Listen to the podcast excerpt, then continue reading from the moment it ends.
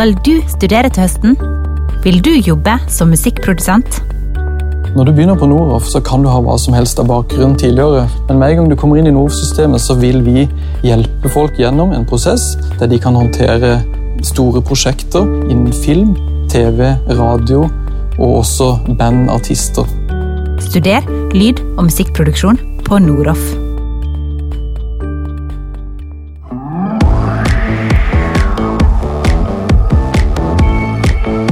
Hei, mitt navn er Ole Henrik Antonsen, og du hører på episode nummer 16 av Bak spakene, podkasten om produsenter, teknikere og låtskrivere. Gjesten i denne episoden er en av de få som får lov til å tilbringe påska 2020 på hytta, fordi han har flytta dit for lenge siden. Jeg snakker om en av mine første og aller største helter, Kjetil Bjerkestrand. Du skal straks få bli bedre kjent med han, men først noen ord fra Bak spakene sine annonsører. Denne episoden lages i samarbeid med Scandic-systemer som distribuerer høyttalere fra anerkjente L-Acoustics. L-Acoustics leverer høyttalere, software og infrastruktur for profesjonell lydavvikling på konserter, festivaler og andre arrangement der lyd står sentralt for opplevelsen. L-Acoustics har utvikla fantastisk software som får anlegget til å yte maksimalt. Soundvision simulerer høyttalernes spredning mot publikumsområdene i 3D, mens Network Manager kontrollerer og overvåker. Scandic holder jevnlige kurs der systemteknikere blir sertifisert i bruken av verktøy og høyttalersystem fra L-Acoustics. Du finner informasjon på scandec.no. Bakspakene samarbeider også med Platearbeiderforeningen, som er en interesseorganisasjon for musikkprodusenter og studioteknikere. Platearbeiderforeningen holder bl.a. workshops og seminarer, og de er medlem av Musikkindustriens næringsråd, også kalt MIR. Platearbeiderforeningen jobber for tida hardt med å sikre produsenter, teknikere og studioeiere sin interesse i tiltakspakkene som kommer i forbindelse med koronaepidemien. Har du fått faktura med medlemskontingent, betal den i dag. Hvis ikke, gå til platearbeiderforeningen.no og bli medlem. Så er det sånn at Hvis du kikker på bildet til podkasten, så har en hovedsponsor blitt bytta ut med et Vipps-nummer. Det er vanskelige tider i musikkbransjen, også i podkastbransjen. Hvis du vil gi en donasjon, stor eller liten, så kan du vippse det til 601 095. Bakspakene kommer til å komme ut uansett, men det tar ganske mye tid å lage det her, og med litt støtte på Vips, så blir det hyppigere utgaver.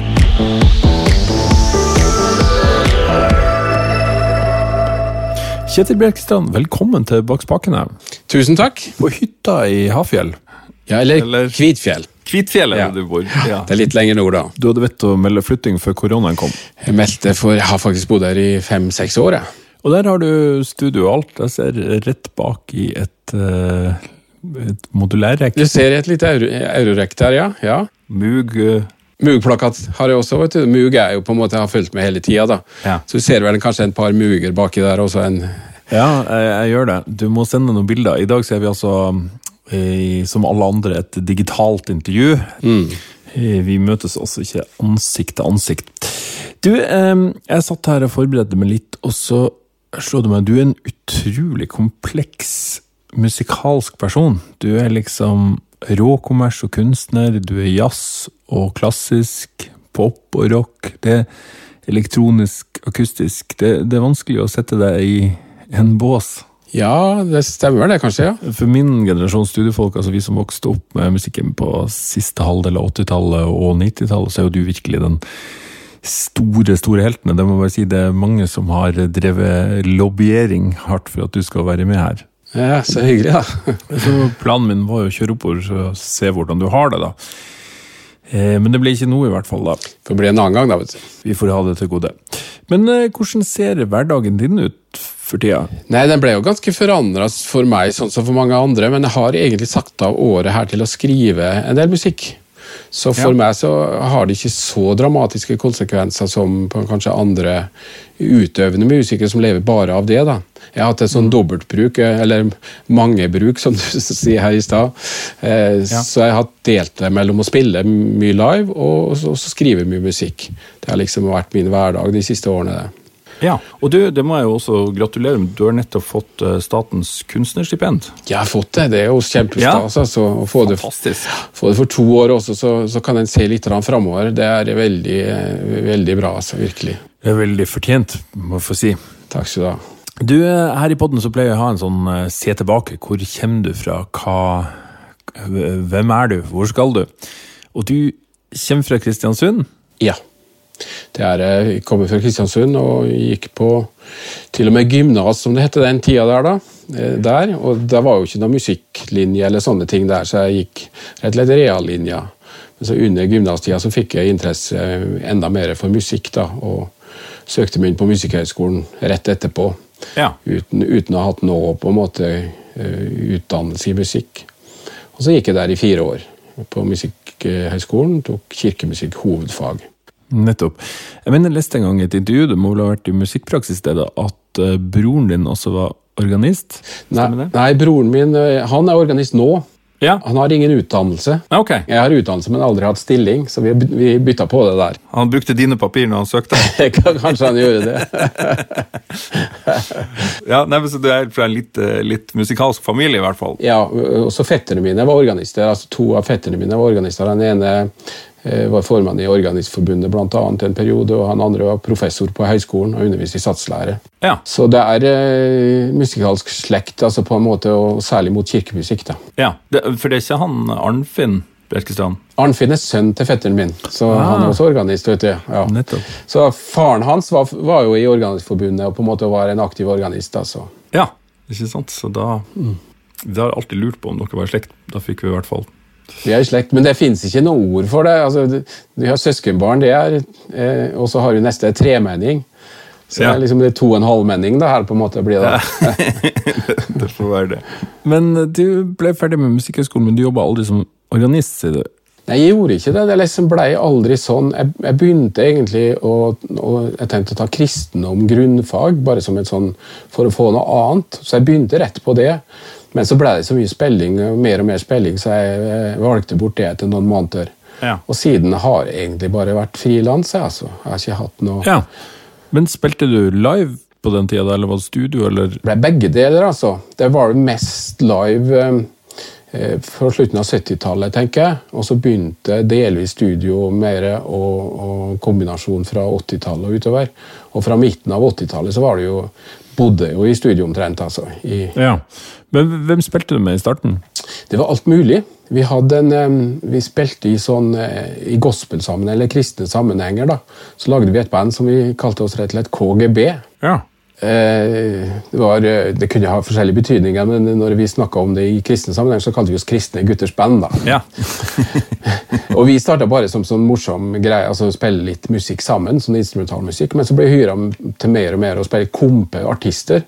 Så på begynnelsen av 80-tallet kompa vi masse forskjellige artister, utenlandske og norske, og reiste på turné. og Det var en veldig fin periode, en fin læringsperiode for meg også.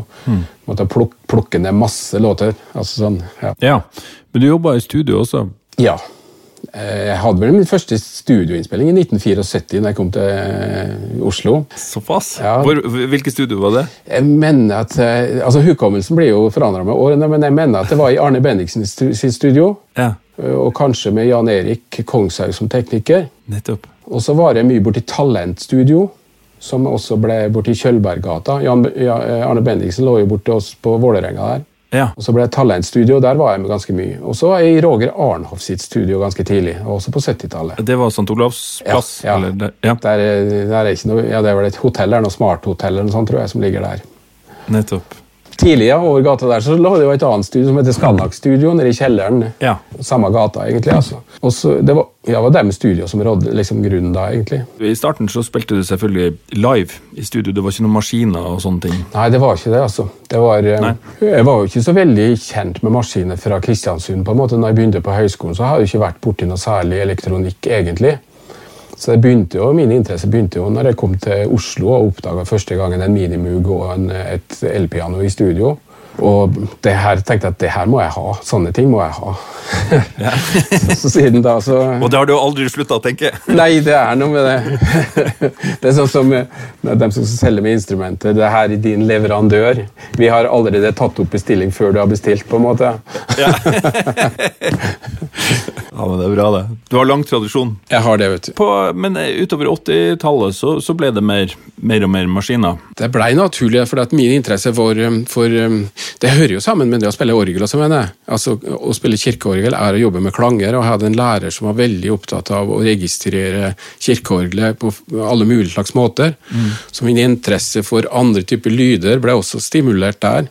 Mm. Så for meg da var overgangen til eh, elektronikk ikke så veldig den var ikke så veldig lang, altså. Det var eh, på en måte å jobbe med det samme som jeg drev med med orgelet. Så jeg begynte jo på av, ja, midten av 70-tallet, og så ble det mer og mer i synter og elektronikk. Og så dermed så fikk jeg en del jobber i studio, for det var jo det var ikke så mange som hadde instrument heller, så jeg var heldig og fikk jobber pga. at jeg hadde instrumentene.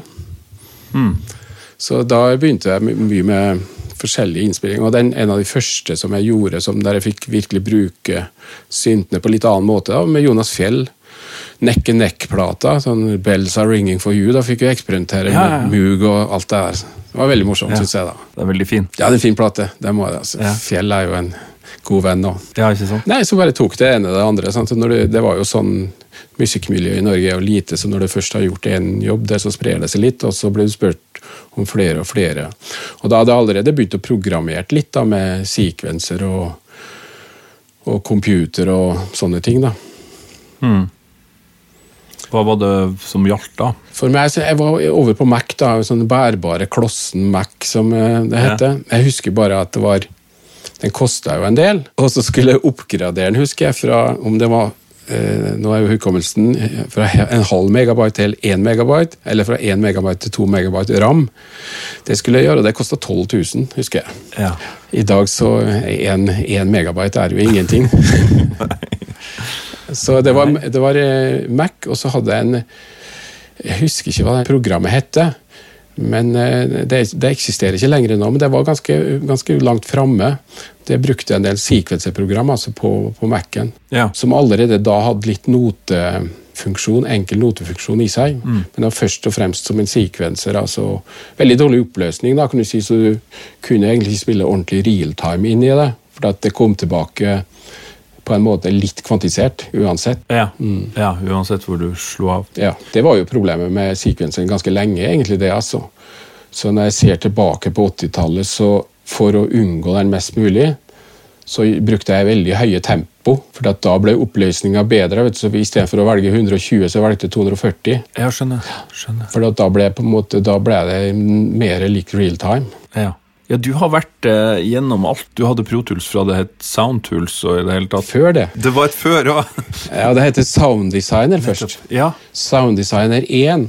Og det var egentlig bare et redigeringsprogram for sampler. Altså Hvis du hadde sampla en lyd på f.eks. emulator 2, da, som jeg hadde, ja. og så kunne jeg eh, overføre til Macintoshen, bearbeide samplet og sende tilbake til emulator 2. Ja. Sånn var Det Det var Sounddesigner 1. Og så kom Sounddesigner 2, som kunne gjøre det samme i stereo. Og så kom Soundtools. Nettopp. Og det hadde da to eller fire spor når det kom? Det hadde to spor, ja. ja. Mm, gans, ganske lenge. Uh, så kom jo noe som heter De lagde noe som heter Deck. Ja. Og så ble det jo et todelt program der du hadde sounddesigner, en, en recorder og en editor. Det var to forskjellige programmer først. Så jeg husker når det, når det kom og blei Var det nå det heter Protus? når det gikk over til det, jeg veit ikke, men i hvert fall når det ble ett program, det var jo som himmelen, på en måte, der du kunne ta opp og så eh, editere i samme programmet. Slippe å overføre ja. mellom og sånne ting. Ja. Men jeg husker jo, husker jo, den gangen vi fikk til eh, Altså Jeg var jo veldig tidlig ute med, med sequencer og sampling på, på 80-tallet. Så jeg hadde jo et system som heter Fairlight. Ja. Det var ikke mitt, for det var jo kosta over 700 000. Men jeg var operatør for det i Norge, så jeg hadde jo hele tida. Så det var bare jeg som brukte det. Så, så Fairlight hadde på en måte utplassert et system i Norge sjøl, eller hvordan fungerte det? Nei, det var via importøren, altså Christian Ville som drev Skanak Studio, ja. som da spurte meg om jeg kunne være operatør for det. Nettopp. For Fairlighten, ja. Og det gjorde jeg. Jeg gjorde masse spennende ting da. Jeg gjorde både på ny musikk med, med ja, en av de store komponistene. på en måte, sånn, Vi jobba firekanals og rekorda vanndråper. Aqua. Kjell Samkopp heter han. Ja. Eh, han jobber jo en, en strålende komponist. Han jobber jo ennå, han altså. Men da brukte vi alt mulig av ly, vannlyder og sampla inn, bearbeida det og lagde det til en ballettforestilling som en hadde. Ja. Det gjorde jeg på Fairlighten, og det var, nesten, det var umulig å gjøre det på noen andre andre verktøy da. Så det var, veldig spennende for meg òg. Brukte du synkklavier nå, eller? Nei, det var Fairlight for min del. Atle Bakken i Norge hadde jo syngklavier. Så, Så det var jo en fight. Vet det var nesten som å holde med Rolling Stones og Beatles på 60-tallet. Du holder med en ene, vet du. For det, altså, Digitalteknologien var jo sånn at det oppgraderte seg. ja. Og så Hvis du var først ute, da, så kunne du hovere litt en måneds tid eller to før, neste, før den andre ble også oppgradert. Før du fikk en grusom hevn. Så jeg hadde jo den første eh, En av de første platene tror jeg som ble spilt inn med stereosampling, var jo Dance with the Strangers første plate. Ja. For da fikk jeg flysendt opp en betaversjon fra Australia med stereosampling på Fairlight, for den var egentlig ikke lagd for det. Ja. Det var en monosampler, det. Og mm, så fikk det stereosampling, og, og fikk brukt det for første gang på Stranger sin plate. Og det var jo en, altså Den plata der var jo et teknologisk gjennombrudd på, for, tror jeg, for mange, å gjøre den på den måten. Ja, det var jo, det, altså det var jo virkelig et gjennombrudd. Og, og det var jo ei plate som gjorde meg, og, og sikkert mange med meg, klar over det. Og det innleda også et samarbeid, tror jeg, eh, med Bjørn Nesjø. For det, som jo har vært i mange sjangre i mange år, og svært suksessfullt. Ja, det var det. Det var eh, Første gangen Bjørn og jeg møttes, det var søndagskvelden før vi begynte innspillinga på mandag. Så det var, eh, det var et, eh, et lykkelig samarbeid både med, i lang tid, og ennå også så er Bjørn en mentor for meg når jeg skriver musikk. Så sender jeg ofte til Bjørn og Hør, hva mener du om det her, Bjørn? Og han er ærlig. Ja. Han er bånn ærlig. ja, er han brutal? Nei, han er ikke brutal. Nei. Nei, det er han absolutt ikke, men han er ikke den som strør om seg med komplimenter i tide og utide, og det syns jeg er veldig bra. For når, det kommer, når han skriver at det er bra, så betyr det bra. For jeg syns jo av og til at vi i, i vår verden vi må si at det er fantastisk før det er bra. Og det eh, Jeg prøver at det, at det sitter folk liksom etter en konsert. 'Hvordan var konserten?' var bra'. Ja, men Var det som ikke var bra, da? Den var bra, sier jeg. jeg sier, den var jo bra. Den var jo, så må jeg si, strålende, fantastisk, utenomjordisk for at det skal gå inn. Bra er Sånn har det blitt. Ja, sånn har det blitt, ja. Bra er jo bra. Ja, ikke sant? Jeg tror det er veldig viktig å ha noen som man stoler på, som man musikalsk, kunstnerisk altså man kan Det tror jeg er en stor verdi å ha. Det tror jeg også. Eh, For at vi har jo ingen fasit i eh, jobben vår. Nei, det er det. Men eh, du var jo da oppe i Trondheim. Bodde du i Trondheim noen gang, eller var det, det virk, På platecoverne mine så virka det som du hadde hybel på Skippy-senteret, eller Ja, det virka sånn. Jeg tror jeg, vi var på nippet til å flytte med familien dit. Altså. Vi var og kikka på huset, òg, så var så nærme. ja. Ja. Men det blei aldri sånn, da. Så, for da begynte jeg å jobbe mer og mer eh, også utenlands etter hvert. ja. Eh, Og mer i Oslo og forskjellige ting. Film og jeg, Min første film gjorde jeg med Veiviseren. Det var vel i 87. Oscar-nominert, Ja, det, det? er ikke verst, vet Ja. du. Nei, det er sannelig ikke verst. Vi har jo en liten eh, en, en secret der da, vi har hatt i mange år. Eh, Marius Müller og meg som gjorde den musikken. Ja. Og så hadde vi egentlig Nils Aslak Vask- Valkeapää skulle komme oss og synge på en av de låtene som vi har lagd. Han har jo noen egne joiker der, han også. Men det var en sånn kommersjoik som Marius og jeg har lagd, da. Ja. Som vi kalte det. Sånn, sånn fotballstadion-joik. som skal være hovedtema i filmen. liksom. Skal gå igjen både på fløyter og synter og gitar og, og sang. da. Så hadde vi tenkt at han skulle synge det Valkeapää. da. Og han var jo lite vant kanskje med studiosetting og, og treklanger og alt det greiene der. Så det, det, det klaffa ikke helt, for å si det sånn. Og, og det er vår feil, for at vi, vi prøvde å få han til å passe inn i en sammenheng der han ikke var hjemme. Så det, men det hadde ikke vi Marius og jeg lært da. Det har vi kanskje gjort det annerledes i dag. Men når han gikk, da, så var det ikke noe mulighet til å rette opp det greiene der. sånn at det, det blei jo ikke fint. Så jeg tenkte at eh, det her er jo feil, og for han ikke minst. altså At eh, han skal framstå sånn. Det, så da tenkte vi at hvem kan synge best av oss, da? Vi, vi må jo ha, vi skal- levere dagen etterpå omtrent. Så det er ikke meg, ikke Alf Kristian Witzen, ikke Nils Gaup, ikke Jon Jacobsen, men Marius, du synger best. Så det er Marius som joiker de fjelltemaene bak i, Ja, i fjerne der. Det er Marius Müller som synger der. Wow. Mm. Det er fantastisk. Ja. Enda en dimensjon ved Marius Müller. Altså. Ja, det er jo det. Og vi lo så vi skreik ute i, ute i kontrollrommet der. Så store mannen men må- vi måtte dempe lys og masse klang og greier. Ja. Veldig bra. Så derfor så ble det sånn at jeg jobba mer og mer i eh, Oslo og, og litt utenlands også. For jeg fikk jo en, eh, en underlig telefon fra Paris også om å jobbe med Ray Charles og Didi Bridgewater Ja. på slutten av 80-tallet der. Det husker jeg var på Dagsrevyen. Var det det til og med? Ja. ja. Ja, det, eh, mener jeg ja. å ha sett på Dagsrevyen, at du skulle dra og jobbe med Ray Charles. Ja, det var jo stas. altså. Det var jo litt sånn uvirkelig først. da. For det første så ringer jeg og spør om jeg kan arrangere en låt.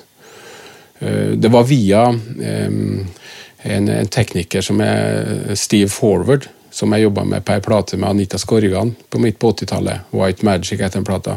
Ja. Han er engelsk, og vi kom veldig godt overens. Han flytta til Paris og ble tekniker for Didi Bridgewater på en innspilling. Og så er det han som ringer meg og sier at liksom, vi har en låt som hun skal gjøre duett med Ray Charles på. Og Låta er bestemt, men arrene er ingen av dem er gode, som han sier. Jeg tror du kan gjøre bra et. Så gjorde jeg det på spekk, da, altså at jeg betalte alt sjøl. Det var jo veldig tungvint den tida. Det var ikke å sende på mail, det var å sende på en DAT-kassett og betale over eh, til tollerne, og det kosta jo masse tusen det her, bare å få gjort det og få sendt det. Så jeg hadde to dager på å gjøre arret, eller å innspille inn en demo, og så sendte jeg tilbake. og Innspillinga skulle være uka etterpå, altså helga etterpå, så jeg måtte bare skynde meg og sendte den nedover. og Fikk beskjed på onsdag kveld at den er kommet fram, dattkassetten, og vi gir det til tilbakemelding. Innspillingen skulle begynne på lørdag. da. Så jeg legger meg om fredagen så tenkte jeg ok, jeg har ikke hørt noe, men det var verdt forsøket. Og så klokka ett på natta tror jeg han ringer. Og så sier jeg at vi liker arrangementet ditt, kan du komme med fly i morgen tidlig? Wow. Så, så dro jeg den til Paris og spilte inn den låta. Og spilte inn komp og sånne ting. da, og ja, det var stemning. Og så spør de om jeg vil komme ned og helga etterpå og høre når Ray Charles gjør vokalopptaket sitt. Selvfølgelig ville det, jeg også. Så kommer den dit, og det er svær oppsetning vet du, med filmteam og masse greier. Og så får jeg høre at Ray Charles hadde ikke hørt arret mitt ennå. Og så tenkte jeg at oi, oi, oi, det her kan bli krisa. For jeg har hørt liksom mye at han sparka musikere, og hvis han ikke liker det nå, så er det bare For jeg spilte jo det meste på den låta også. Så eh, det er krise, altså. Og så hører han gjennom en gang, og så vil han høre en gang til. og tenker Jeg står bare og tenker hva kan jeg ta bort, sånn at han får, i hvert fall får gjort vokalopptaket sitt. Kan beholde piano og en high-hat eller noe sånt, liksom, så, så kan jeg gjøre om arret hvis han ikke liker det. Og så, eh, etter å ha hørt det to ganger, Who's the Ranger? sier han. Å, hjelp, nå er det virkelig krise. Og så går jeg fram til henne, og så I like it, it's different, sier han. Å ja. Og så, så spør han liksom om hvor jeg, hvorfor jeg skifta noen akkorder i forhold til demoen. da. Ja. Og min første reaksjon er å si at jeg kan skifte tilbake. Vet du. Nei, nei, nei, nei, nei, nei. I like it, but it's different, sier han. Why do you change? Og så går Ray Charles, da, men det står 20 stykker i, i kontrollrommet, altså film og masse folk. Så går vi inn til flygelet i studio. Ray Charles og meg sitter oss på pianokrakken og diskuterer akkorder. Det var veldig uvirkelig, altså. Det skjønner jeg. Ja, så vi ble jo ja, Jeg gjorde en soloplate med Ray Charles senere også. Det her var jo duetten da, med Didi.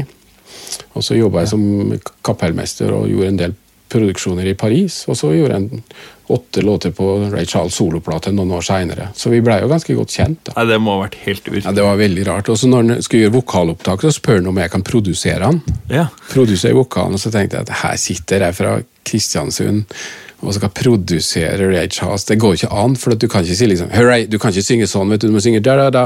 Det, det, altså, alt er jo bare strålende. Men den største lærdommen jeg lærte da, og den var ganske sånn umiddelbar, at jeg kom fra Norge der vi dyrka pitch og timing. Fordi at vi kunne det pga. elektronikken, og, og, og 80-tallet var jo prega av det. Ja. Så kommer det der, og så er det en som synger mer fantastisk enn noen, og han synger surt, og han synger ut av time. Så tenker jeg at nå må jeg bare høre etter hva jeg liker, og hva som treffer meg. Velge bort de parametrene som vi alltid hørte etter her i Norge. Det var en rask, det måtte jeg lære dem raskt, da. Hvordan er det? Men det, det, det her var kanskje før vi fikk autotune, men, men sånn i dag jeg, jeg tar meg stadig i det at man har jo et ønske om å, å bevare det menneskelige. Man har jo Men som jeg, jeg vet ikke om det var Espen Linde jeg snakka med her i den serien, som, som sier det at altså, stemmen er så endra i, i, i karakter av alle verktøyene som vi automatisk putter inn. at eh, og så ønsker man jo ikke å gjøre det, men samtidig så er det veldig vanskelig når du er vant til å sitte og se på detalj på mikronivå. Her, det her kan jeg fikse, det her kan jeg fikse. Ja. Eh, og i en AB-test så, så, så liker du ofte det som er rent, kontra det som er surt. ja. Men hvis du tar et skritt tilbake, så kan det godt hende det er feil. Ja, det kan hende det er feil. Altså, det er vanskelig å ha Som igjen, vi har ikke noe fasit i, i denne bransjen vår.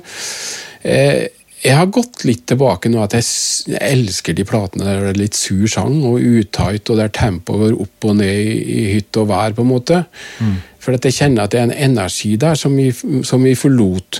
Og jeg var jo kjempedelaktig i å fjerne de tingene. Vi, vi i 80-tallet har jo sikkert størst skyld på det å, å gjøre alt tight. eh, Fjerne tempoforandringen.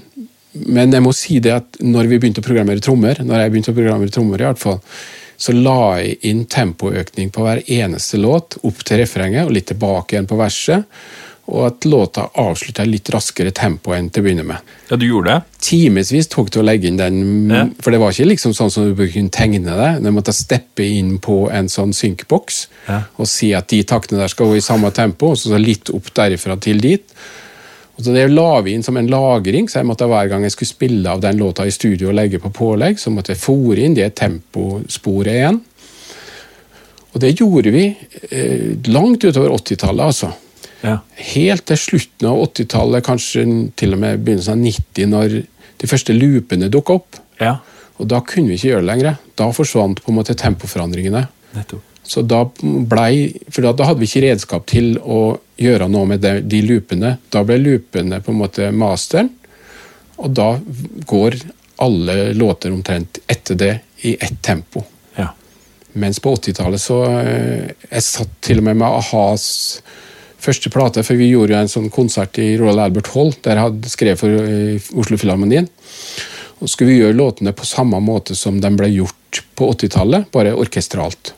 Og da fora jeg eh, a-ha-låtene inn i Pro Tools, så ser jeg at de har tempoet. tempo. Så det var en vanlig eh, Det måtte være det. Måtte være Ja. det altså. for, for å etterligne det som var naturlig på 70-tallet. Der hører vi jo låter som går mye fortere på slutten enn de gjør til å begynne med. Ja. Det er en naturlighet i det som vi på en måte har forlatt etter det. Etter loopene kom, mener jeg. Mm. I dag så kunne vi jo gjort noe med loopene. I dag er det lett, lett å gjøre en tempoøkning inn til refrenget med loopene, eller også at det går enda fortere på slutten. som er kanskje... Men estetikken er kanskje borte. Estetikken er kanskje et ønska tempo. og det er ikke, Jeg sier ikke at det er noe gærent i det. Det er det samme som du sier med, med stemmen. da. At kanskje den autotuna effektlyden som vi får av autotune Vi får en liten sånn bivirkning av det. Kanskje den er ønskelig i dag? Kanskje er det det vi, det vi vil ha? På en måte? ja. Det det er i hvert fall det publikum er vant til. Ja. Kan sammenlignes kanskje med en elgitar. I dag vil du ikke spille eh, Du vil gjerne ha en liten vreng på gitaren, altså i en større eller mindre grad. Første gangen det oppsto, er jeg sikker på at puristene ville ha sagt at nei, her er noe gærent med lyden. Å ja, ja, ja, er du gæren. Altså langt eh, Jeg gikk elektronikk på videregående, og da er vi altså i 1990, så hadde læreren min eh, Det var det første han spurte om. Han var da en, en relativt voksen mann, da. Ja. Men eh, er noen musikere her? Ja, sa. Ja, det var over hans fatteevne at noen kunne kjøpe seg forvrengere og koble inn i lyden. Ja, jeg ser det. Ja. Så det var Nei, det, det tror jeg nok helt klart. At, at alt det Og det, det er klart alt som vi i senere år med både rørboks og alt som er som vi, vi Man søker seg tilbake til Abbey Road i 1964 i stor grad. Eh, så Ja. Den gangen visste de jo ikke noe annet. Det var bare sånn, De prøvde jo å lage så bra spekk de bare kunne, og, Ja. og prøvde jo å unngå alt som heter vreng. Ja. Så, um, Så er det det vi elsker etter hvert. Kanskje Ja. autotune. Jeg husker, jo- jeg, jeg begynte å bruke autotune veldig tidlig. ja. Men sånn som vi jobba tungvint i studio med sekvenser og, og tempotrack og sånne ting, og så jobba vi også veldig langsomt med autotune. Så vi, jeg tok jo bare en porsjon av lyden som jeg ville bearbeide, og tegna kurven helt i begynnelsen av lyden, sånn at den ble rein der, og så slapp jeg fri lyden etter det. Ja. Og to, tok det tone for tone. Det tok jo evigheter, men Altså sånn i Audiosuite-pluggen eller, eller noe sånt? ja. Ja. På en måte jeg spilte Jeg, jeg tror eh, Altså, Jeg husker ikke alle prosessene nå lenger, for vi har jo vært gjennom så mange prosesser etterpå. Men jeg mener at vi spilte over på et annet spor. Bearbeida det. Altså som en eh, audiositt, som du sier, en, en rekorda. Og så kjører en tilbake igjen på en måte, og bare tar den porsjonen av lyden som du mener må uh, pitches. Og så slipper du for resten, så får du, du får den naturlige vibratoen på slutten av tonen. Så Da ble jeg på en måte hovedsakelig ikke, ikke helt i begynnelsen av lyden heller, for der vil du beholde den der lille glitchen inn til tonen. Men akkurat når tonen etablerer seg, så korrigerte jeg kanskje noen, noen tidels sekund der. Og så slapp en fri igjen. På, på den tida der, altså når du begynte Hvor lang tid brukte man på et album når du jobba med Bjørn Nesjø på slutten av 80-, begynnelsen av 90? Ja, Det er et godt spørsmål, for det er ikke sikkert jeg husker lenger. Men jeg husker når jeg skulle begynne med Stranger, så var jeg tilsagt å være her i uke, men det ble en måned omtrent. altså Det var jo eh, Det var et halvår, tenker jeg. Altså kontinuerlig i studio. Vil jeg tro en, en plate gjorde, tok tid. Ja. Og da var du i studio eh, Arbeidsmiljøloven var nok ikke funnet opp da, tror jeg. Så vi jobba i studio fra 10 om morgenen til 11-12 på kvelden. ja. Det var, det, det var en daglig rutine. Sånn var det i Paris, sånn var det i London da jeg jobba der òg. Det var sånn man jobbet. ja. Ja. Man måtte kanskje det. Vi måtte kanskje det, altså. Og for at vi bestilte jo lockout i studio også. Mm. Da hadde vi studio tilgjengelig hele tida. Da var det jo viktig å bruke den tida. Mm. Så eh, når jeg var mye i Paris Jeg var der masse, jeg bodde, men jeg så jo aldri Paris, nesten. Nei. Nei Nei eh, London, hva jobba du på der? Nei, det var, litt, det var mer sånn eh, innom forskjellige produksjoner som hadde link til Frankrike. da. Ja. For at det var ganske nærme hverandre. Frankrike eller Paris beundrer Londons eller Englands estetikk i poprock-verdenen. Ja. Frankrike hadde veldig liten selvtillit på seg sjøl når det gjaldt det. Så de så til England. Så um, jeg ble spurt om å gjøre noe, noe sessioner der, på en måte. Men da var jeg innom og gjorde én eller, to låter. Og jeg husker ikke alltid hvem det var engang. Men vi var jo der med Morten Harkets plate Wild Sea. Da var jo en del i England og gjorde med. Og, og ja, ja. Den er jo også helt fantastisk, da. Altså, det er virkelig sånn Der er du ganske bra. takk, skal- takk skal du ha. Ja, er ikke så lenge siden jeg hørte en plate. Jeg syns det er en virkelig fin plate, og Morten Ja. synger jo fantastisk på, på en del av låtene som egentlig var ment som en demosang, f.eks. Christmas Car'. Det tror jeg er nesten hovedsakelig demoen. Han satt mellom glassdørene i Nidaros studio og bare sang den. Ja. Den var også veldig overraskende, både fra han og deg, for så vidt. Hele soundet, hele uh, musikken. Det var ikke der jeg trodde det skulle gå. Men det var jo veldig riktig, og sånn som jeg så det da, og nå, veldig i tida. Altså, det var det gruncha Ja, det var kommet inn, og det var Da var det allerede litt over med loopene. Da hadde jeg brukt looper i så lang tid. Altså, jeg hadde ikke lyst til å bruke det lenger, men loopeestetikken som skjedde ved at um, f.eks. at det ikke er um, at det er en loop som går til verset, og en som går til refrenget, eksempel, men ikke noe trommebrekk inni, som vi gjorde når vi drev og programmerte trommer på 80-tallet. lagde vi trommebrekk, masse trommebrekk. Ja. Så kom loopen inn og lagde en liten annen estetikk, som jeg likte, husker jeg. Det ble en minimalisme, for det blei ble en rytmisk loop. Så når jeg gjorde Wild Seed, så hadde jeg lyst til å gå et skritt lengre enn det, og få loopene spilt. Og Derfor var jo Per Lindvall perfekt til det. For han også likte den estetikken. Så når vi gjorde låter, da, så noen ganger så spilte han bare to takter og repeterte dem, altså live. Så vi slapp å loope dem opp, reg- men han spilte som en loopmaskin. Ja. Og så la vi på et nytt trommesett på eh, refrenget, for eksempel, som en ekstra, men uten at det var et trommebrekk inn til det.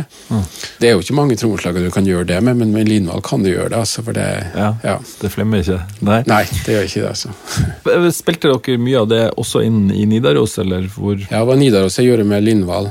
Ja. Og så, må, så dukka denne låta 'Spanish Steps' opp, Ja. som var en låt som hadde gjort med Det er jo Torstein Flakten som har laget den låten. Ja. Det heter en 5000 Miles, tror jeg, og gjorde den med Ole Edvard på en plate. Ja, ikke sant? Så jeg tok med en låta til, eh, til Morten, og han likte den med en gang. Han ville skrive en ny tekst på den og gjøre det. Og så sa jeg at da kunne jeg godt tenke meg å gjort den annerledes. Litt, litt mer trommeaktig, da. Ja. Men da var vi hjemme hos Morten i Bramshot sør for London. Jeg skulle være her en måned. Og da dukka låta opp, og jeg hadde de verktøyene jeg hadde. Det var det jeg hadde. Ja. Så tenkte jeg at her kan jeg bare prøve nå, og så se om jeg kan få til et kult trommespor på den. Så det programmerte jeg da i den eh, i der. Så det er ingen trommeslager egentlig som har spilt på den låta. Så når Per hørte det, så sa han det høres jo ut som meg, men det er jo ikke meg. ikke? Nei, nei, det er deg, men det er en annen låt du har spilt på, som jeg har forandra. Og det var jo på en måte, Jeg hadde bare en stereosample av et trommespor som Per hadde gjort. Ja. Så jeg måtte isolere ut basstromma og lage et nytt uh, pattern. Men det jeg kunne beholde, var litt av det der underliggende ghostinga på en måte på skarpa. Ja. Litt av det kunne beholde, så jeg fikk litt søl i det. Det hjalp meg veldig til å programmere trommene, men det, det, det tok meg ei uke. altså. Ja. Programmere, for at det, verktøyene var ikke, det var ikke gode verktøy for å gjøre det den gangen. Nei. Så jeg tok evigheter, men jeg fikk mer og mer kick, synes jeg, husker når vi jobba med låta. Og, og det blei jo veldig fin gru på den. Absolutt. Absolutt. Den, eh, jeg trodde faktisk den var spilt Uh... Ja, det er mange som tror og Per også. det her har vi aldri spilt på siden. er veldig bra. Nei, den var veldig fin, og det var jo den, den plata um, Da var vel Pro Tools kommet en god del lenger, at du hadde mer spor og kunne gjøre ja. mer i Jeg hadde det, men fremdeles var det ganske vanskelig, for at eh, en av låtene på den plata så ville han produsent som kom inn av Chris Neal, han ville redigere låta, hele multitracken. Ja. Og det var jo på teip. altså Multitracken var jo på teip. Det var digital teip Ja. som gjorde det. To-tre spor, eller hooka opp med en til, da, ofte. Ja. Så for å redigere det måtte jeg jo ta inn hele multitracken på Pro Tools, redigere den der, og så sende den tilbake. Det var ikke gjort i en håndvending, altså, skal jeg love deg. Nei. Det tok noen dager det bare for å få gjort det greiene og gjort det ordentlig. For teknologien var Den jobba ikke alltid med oss. Nei. Den var, eh, Det var tidlig. Likevel, selv om det var midt på 90-tallet, så var den var ikke lagd for sånt. Nei. I dag så redigerer du en låt på eh, 15 sekunder, om du vil gjøre det, med alle sporene. Ja, ja, ja. Det, det var ikke der, altså, for vi måtte punche de inn på teipmaskina igjen. ja, ja. Og risikere Først måtte vi lage en digital kloning av teipen, så vi ikke risikerte å ødelegge noe. Og så måtte vi ha plass nok etter, etterpå, for vi skulle skjøte inn et refreng her, tror jeg det var vi skulle gjøre, så den skulle bli lengre. ja. Og så måtte du ha plass på teipen, sånn at du ikke strøk neste låt. Og, så, og det å få det skjøtepunktet, sånn manuell punching, treffe riktig Hvis du bommer, da, så må du gjøre det tidligere neste gang igjen. Ja. Så kan du spise det framover i låta vet du, hvis du ikke får det til. Ja. Og når det var først over på teip, så var det ikke noen mulighet til å crossfade den punchen. Nei. Så det vi endte opp med, tror jeg, at vi endte opp å spille inn på forskjellige punchepunkter med forskjellige spor, liksom. Sånn at vi Ja. Spre den litt. sprer litt, ja. og så dekke over litt med en, en ny pålegg der det ble en klikk eller Ja. et eller annet sånt. En nødvendighet, ja. Ja. Men det var jo, jeg var jo en annen på en plata som vi gjorde som en demo, egentlig bare. Den Lay Me Down het den låta. Ja. Den gjorde vi jo bare på pianokrakken oppe hos Waterfall studio. I sjokoladefabrikken. Ja. Ja. Der hadde jeg gjort en, en session, og så sier Morten at jeg har en ny låt. Kom, jeg kom opp med den, så spiller vi den inn, så kan jeg arre den etterpå. Så han satt bare på pianokraken mens vi lærte låta, og så spilte vi inn en demo på datakassett med en mic, eller en mic på piano og mic på sangen, men rett inn på to spor. da. Ja. Og litt klang og sånne ting. Og så tenkte jeg at det skal være bare en demo for å gjøre den om igjen. Og, og han prata litt under mellomspillet, Morten også. Da lagde jeg bare mellomspillet i farta der, på en måte. Og så skulle vi gjøre den om igjen, og var på siden Erik Kongshaug flere ganger. Nei, fikk det ikke til. Dro til England og skulle gjøre ferdig plata. Prøvde å gjøre den en gang. Nei, det ble ikke bra. Så spør han produsenten hva er demoen, da? Så hører vi på demoen. Den er jo kjempefin.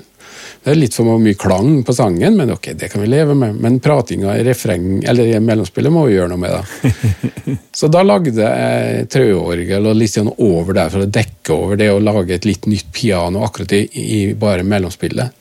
Men resten er bare en tospors demo fra Waterfall. Altså. Ja, nei, det er noe med de der magiske øyeblikkene som av og til skjer som Det er det, ja. Og det er av og til, det er kanskje ulempen med teknologien i dag. Som du sier, når du sa tidligere at autotune Jeg kan gjøre noe med det, men må jeg? Mm. Altså på en måte, Noen ganger så kan vi kanskje velge bort ørene, altså bare oppleve musikk som første gang. Eh, Jeg bruker av og til når jeg skriver musikk sjøl, så komponerer og så gjør jeg et utkast. Da går jeg med en lang fjelltur og kommer tilbake og prøver å høre det som første gang. Og av og til da dukker det opp helt nye ting som jeg ikke trodde var der. Jeg tror kanskje også det der med teknologien, når vi sitter med den hele tida, så begynner vi å, å redigere ett et ord fordi det er ute av pitch, og sånn, og så gjør vi det. Og så må vi gjøre neste, og så må vi gjøre neste, og så må vi gjøre neste, og så må vi gjøre neste. Og da høres det rent ut. Men hvis du kanskje har liksom lagt bort låta i to uker, kommet tilbake og hørt den uten autotune, kanskje du har likt det bedre. Å komme seg bort derifra, det er på en måte muligheten til å gjøre det, og la være å gjøre det, det tror jeg kanskje er vår største utfordring. da. Men da må man legge andre parametere til grunn, sånn som jeg måtte gjøre når jeg hørte på Ray Charles. Han synger surt, han synger ut av time, men det er jo det som er uttrykket. Og hva er surt, tenker jeg. Av og til så jeg, syns jeg er leit at musikken endte opp med piano som retningslinje for hva som er rent. Altså at det er tolv toner innen en skala som definerer at du må være innenfor dem for at det skal kalles rent. Folkemusikken har ikke det. Nei. Det har alle avskygninger av toner mellom det. Og det er jo like rent. Ja, det har jo blitt veldig sånn Musikk har blitt matematikk, da. Det er blitt det. Og særlig klaviaturinstrumentet, som på en måte er tvunget oss inn i en inndeling som er tolv toner. Ja. Hvorfor?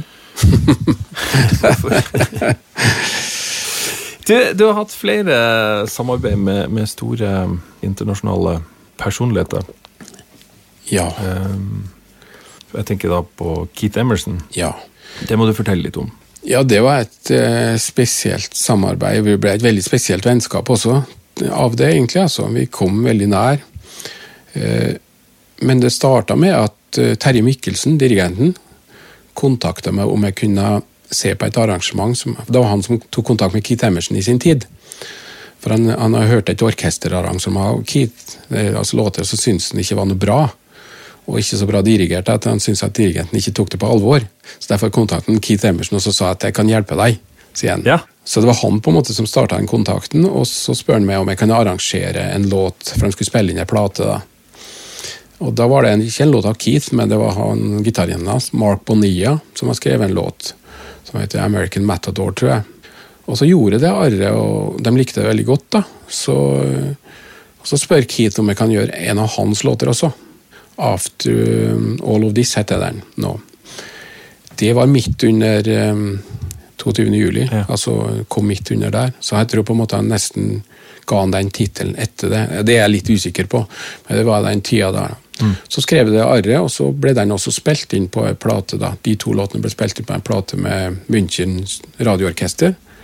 Der var jeg under innspillinga og traff Keith for første gang og ble godt kjent med han. liksom. Og, og siden da så, så sa jeg at jeg kan gjerne gjøre flere arr for deg, eh, hvis du vil.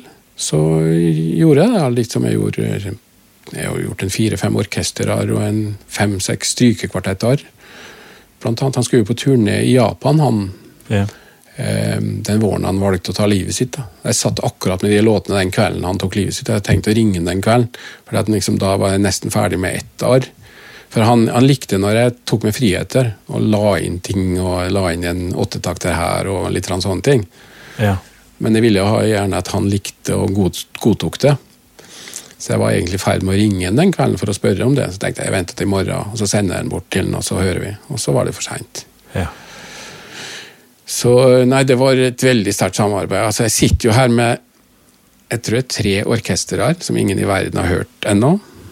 Og fire strykekvartetter. Jeg kaller dem ikke arr engang, bare fordi at jeg komponerte jo til ting òg. ja. Så, så Og det er det som du jobba på da, Ja. han døde? Ja. Ja. Så, så gjorde vi jo Det er det kvartettet han skulle på turné med, en kvartett i Japan. Han var jo litt, eh, litt deprimert pga. høyrehånda hans som slutta å fungere mer og mer. Ja. Det var en muskelsykdom som har et navn, men som ikke jeg husker nå. da.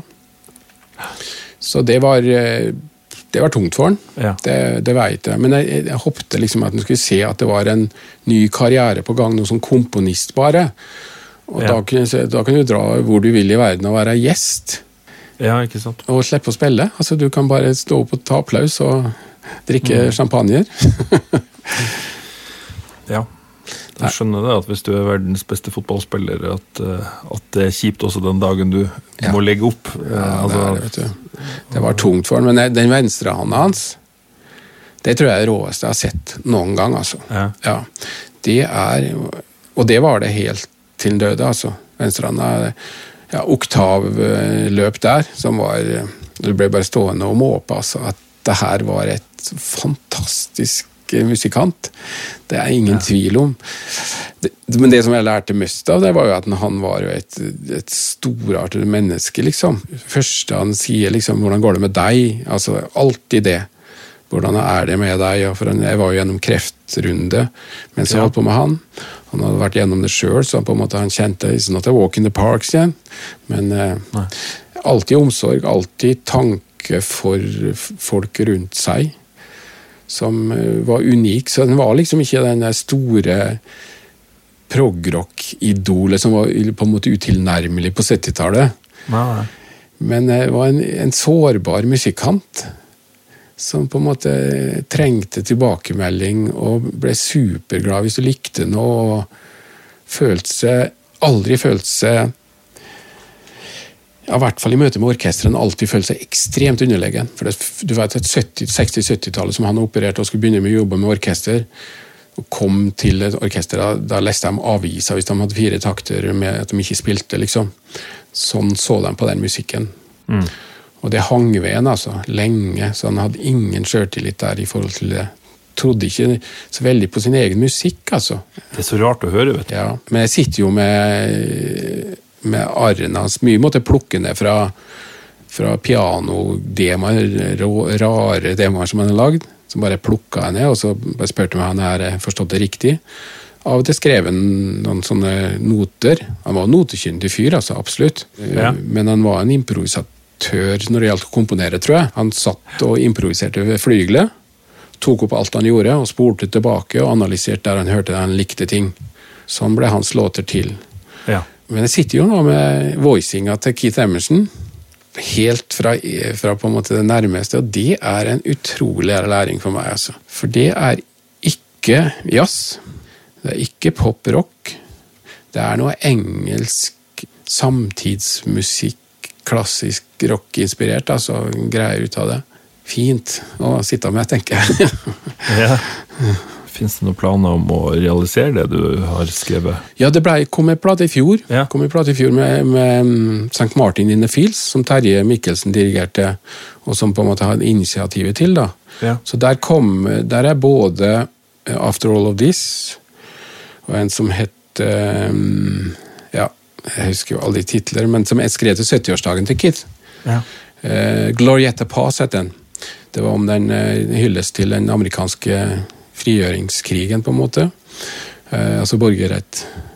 Og så hadde den én låt av de som jeg liksom kicka på til den, da, som jeg sa at jeg har lyst til å gjøre et arv for deg. Han hadde jo ingen penger, Keith, så det her gjorde jo av eh, bare for jeg syntes det var stas. Ja. Så jeg gjorde en låt som heter Beyond the Stars. Som jeg hadde spilt med band også her i Norge, litt, for jeg syntes den var fin. Og så lagde jeg et orkester her, og så likte Keith det. Og så når plata her, ideen om den plata kom opp, så sa jeg til Terje at jeg har jo den låta. Den er jo ikke utgitt ennå. Den kunne vi ha gjort. Og derfor så heter plata Beyond the Stars. Den ble utgitt i fjor, altså. Det, det er jo veldig riktig tittel på en måte hvor Keith er hen nå, da. Beyond the Stars. Ja. ja. Mm. Så den eh, ble spilt inn med St. Martin in the Fields. da.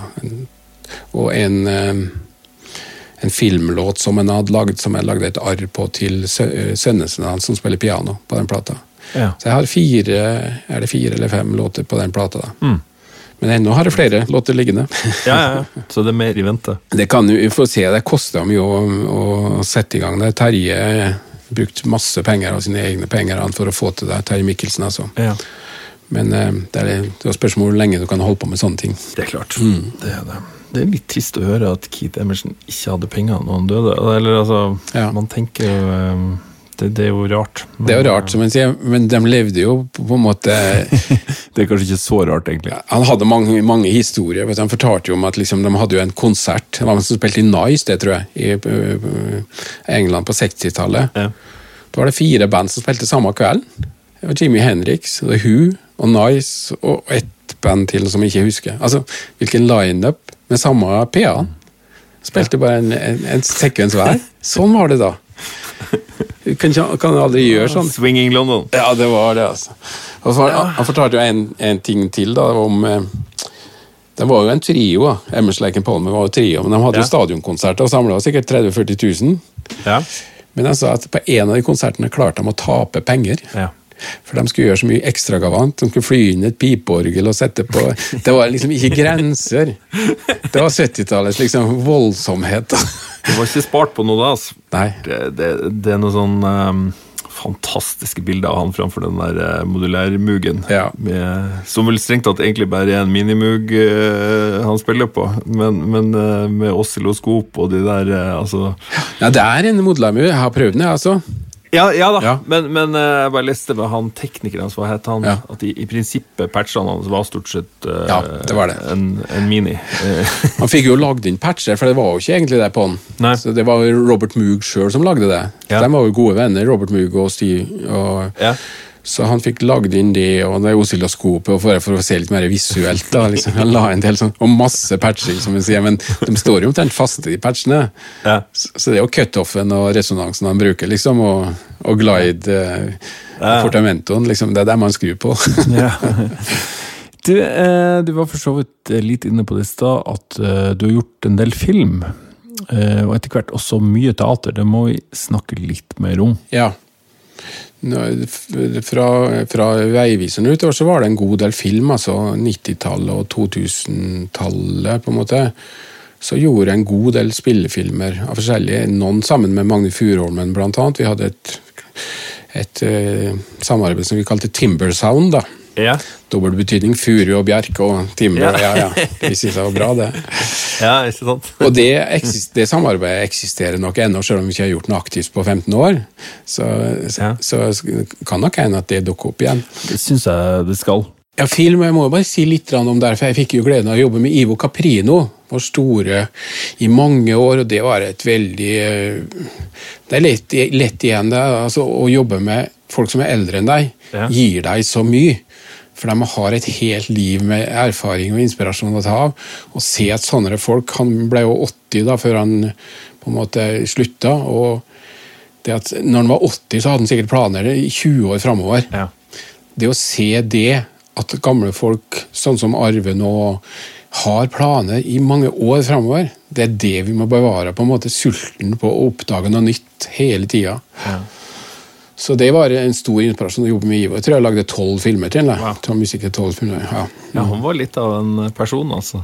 Ja, det var en fantastisk person. Det var, jeg, jeg elska den mannen, altså, virkelig. Og det var, eh, og det var, det var ingen staffasje. Altså, han hadde et stud- studio på Snarøya Ja. og hadde en kontorstol der som sikkert var 40 år gammel, og den måtte han bende på plass hver morgen. Ja. Men det var ikke snakk om å kjøpe noe ny, nei. nei, Nei, nei. nei. Men han kjøpte mye nye maskiner og, og ny teknologi. Det var han veldig i front, altså. Ja. Så han brukte på det han, eh, som var eh, arbeidet hans. Mm. Men eh, kaffemaskin, det var det ikke. Det var pulverkaffe. pulverkaffe. -hmm. Og det var eh, kontorstol som knirka og bare så vidt hang sammen. altså. Det var, og det fascinerte meg også, for da putta du pengene i det som er innholdet, altså kunstneriske.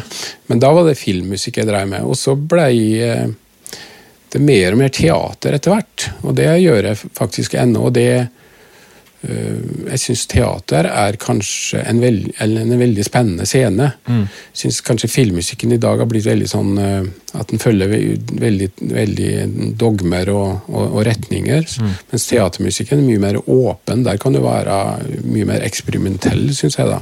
Ja. Og Derfor så trives jeg veldig godt med den teatermusikkrollen. Altså. Og nå skriver jeg mer konsertmusikk, egentlig. Altså til konserter. ja. Som eh, jeg syns også er veldig frigjørende. Hvilke ensemble og sånn skriver du for, da? I fjor så skrev jeg Jeg hadde to uroppføringer i fjor. Det var en på for kor og et orkester på en 14-15 mann, altså en kammerensemble. da. Ja. Eh, Det var, det var tekstlig drevet, og så hadde jeg et uroppføring for et symfoniorkester. Et 15 minutters verk bare for symfoniorkester. Eh, Og så skriver jeg nå på en fiolinkonsert og litt sånne ting altså, som skal være til mer konsertbruk. ja. Og så hadde jeg mitt eget verk som heter Stavat Mater, som jeg framført i jeg Fikk ut på plate i fjor. ja. Det er skrevet for eh, fiolin, solo, strykekvartett og to minimuger. ja.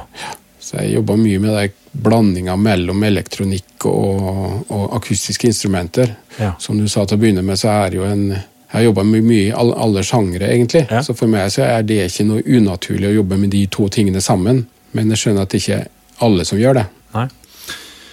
Hvis du ser på selve Mugen, sånn helt fra Wendy Carlos, så er jo det på en måte også en, en slags link da, Det er det, eh, til ja. det klassiske alltid. Eh, Og Vi hadde en hyllest til Wendy Carlos på en måte for to år siden. ja, Eh, Breaking Bach kalte vi det. Så Da hadde vi med oss eh, de beste klassiske musikere med Arv Tellefsen, Terje Tønnesen, Stig Nilsson, Stefan Barratue og, og, og Stryke. Og så hadde vi med fire på minibug, én på hver. ja. Andreas Ulvo, Eyolf Dale, Øystein Moen og meg. Da spilte vi én stemme hver. Bra line-up. Ja, det var en kjempebra.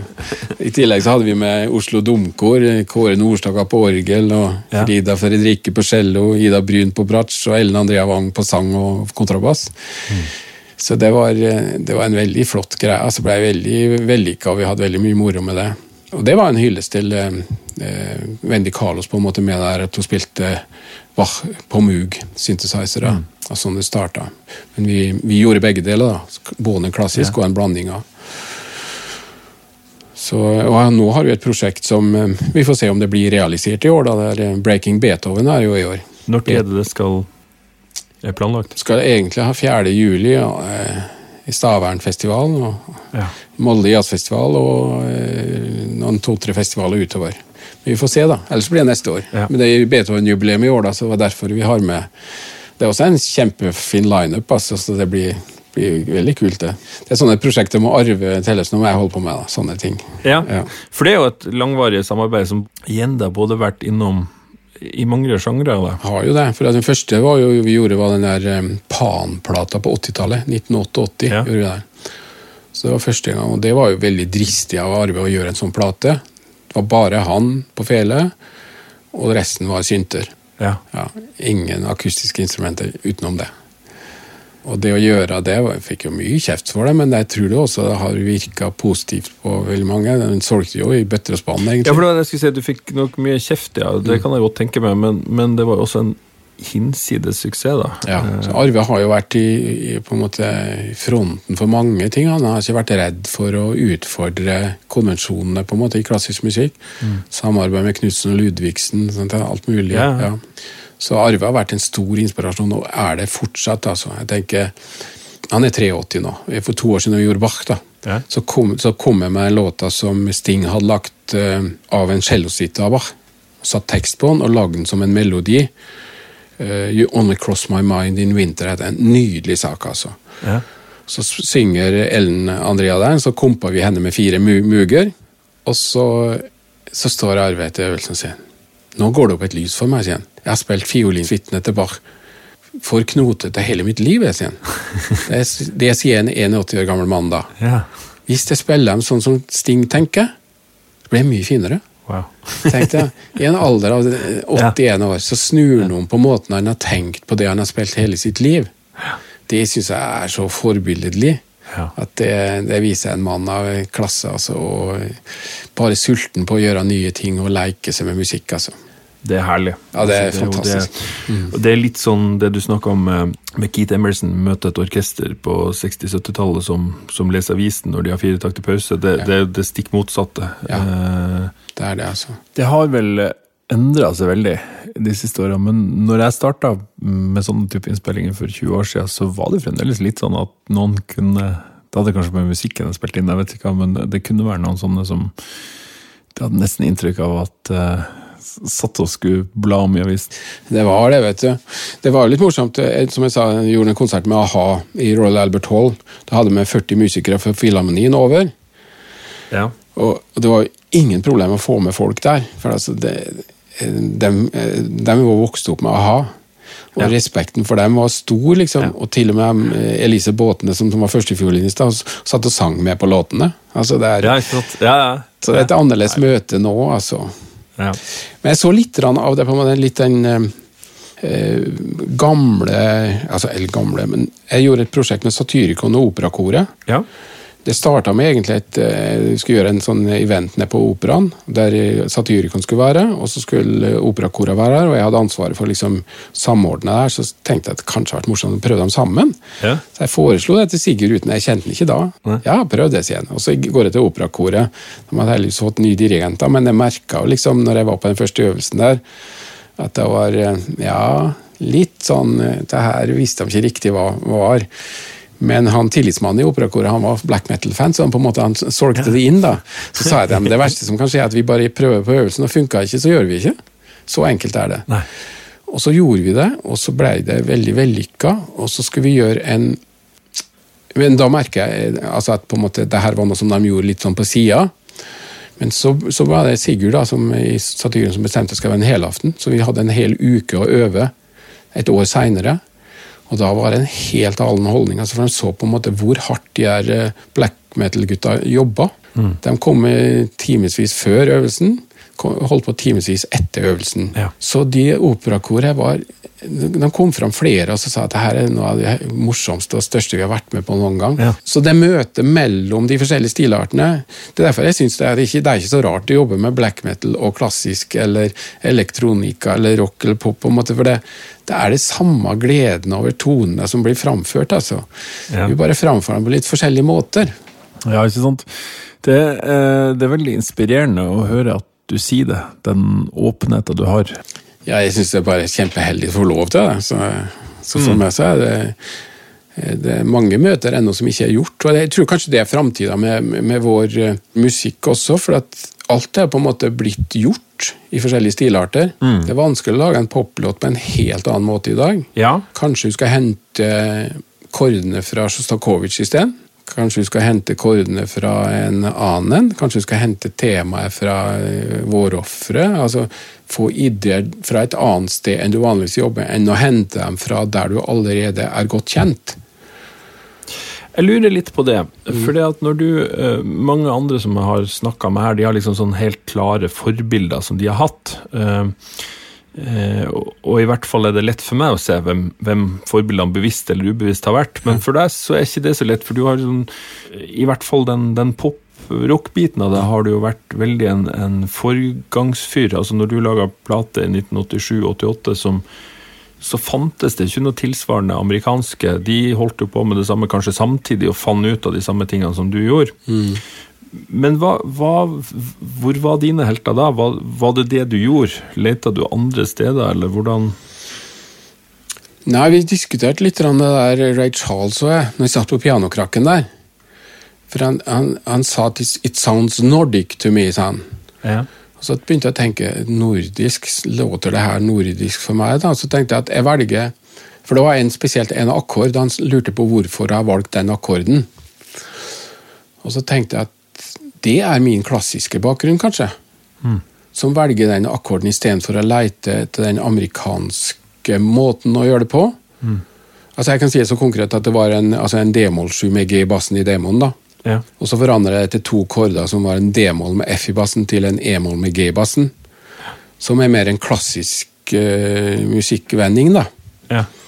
Og det syntes han var spennende, og Sons Nordic. Så tenkte jeg at det er kanskje der jeg kommer fra. Kirkemusikken, eh, klassiske musikken, renere akkorder, altså enklere akkorder enn amerikanerne brukte.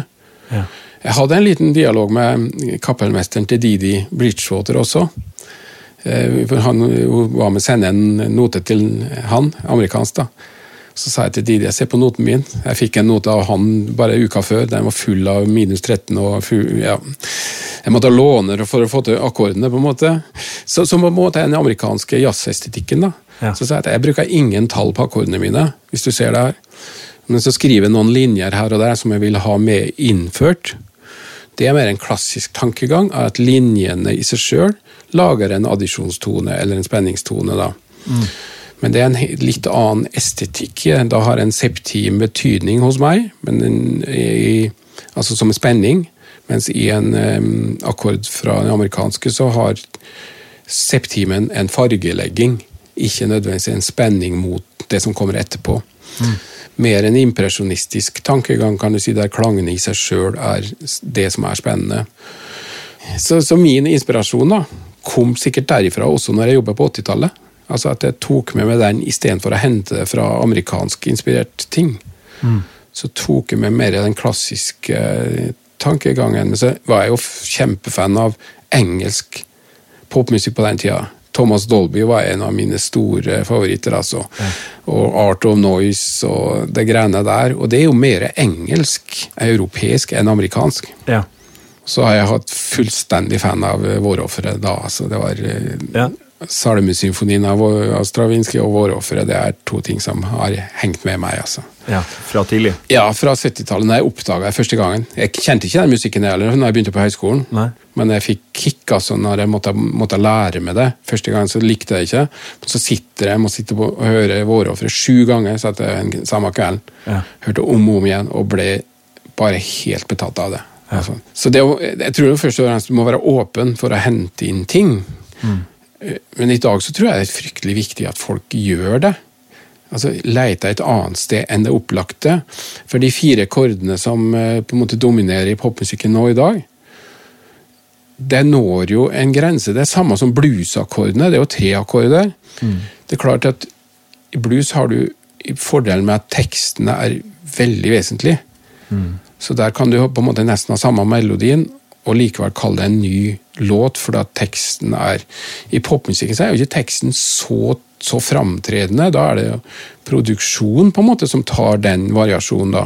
Men det er klart, har du sittet og produsert lenge nok varianter, så er det kanskje grenser for hvor, hvor mye du kan finne på. Så kanskje neste step er å hente et annet sted fra, som du ikke forventa, og så se hva som skjer da. Jeg, tok et lite eksperiment på Jeg underviser litt på Create på videregående i Lillehammer. Ja. tok et eksperiment her en dag og så tenkte jeg at nå lager jeg akkordfølger. eh, Og strippa ned masse musikk til bare akkordfølgene. Og da var jeg fra Pachelbel, eh, Sjostakovitsj, det var eh, Albinoni, det var uh, Eminem, det var Karpe. Ja. Det var uh, forskjellige låter, altså.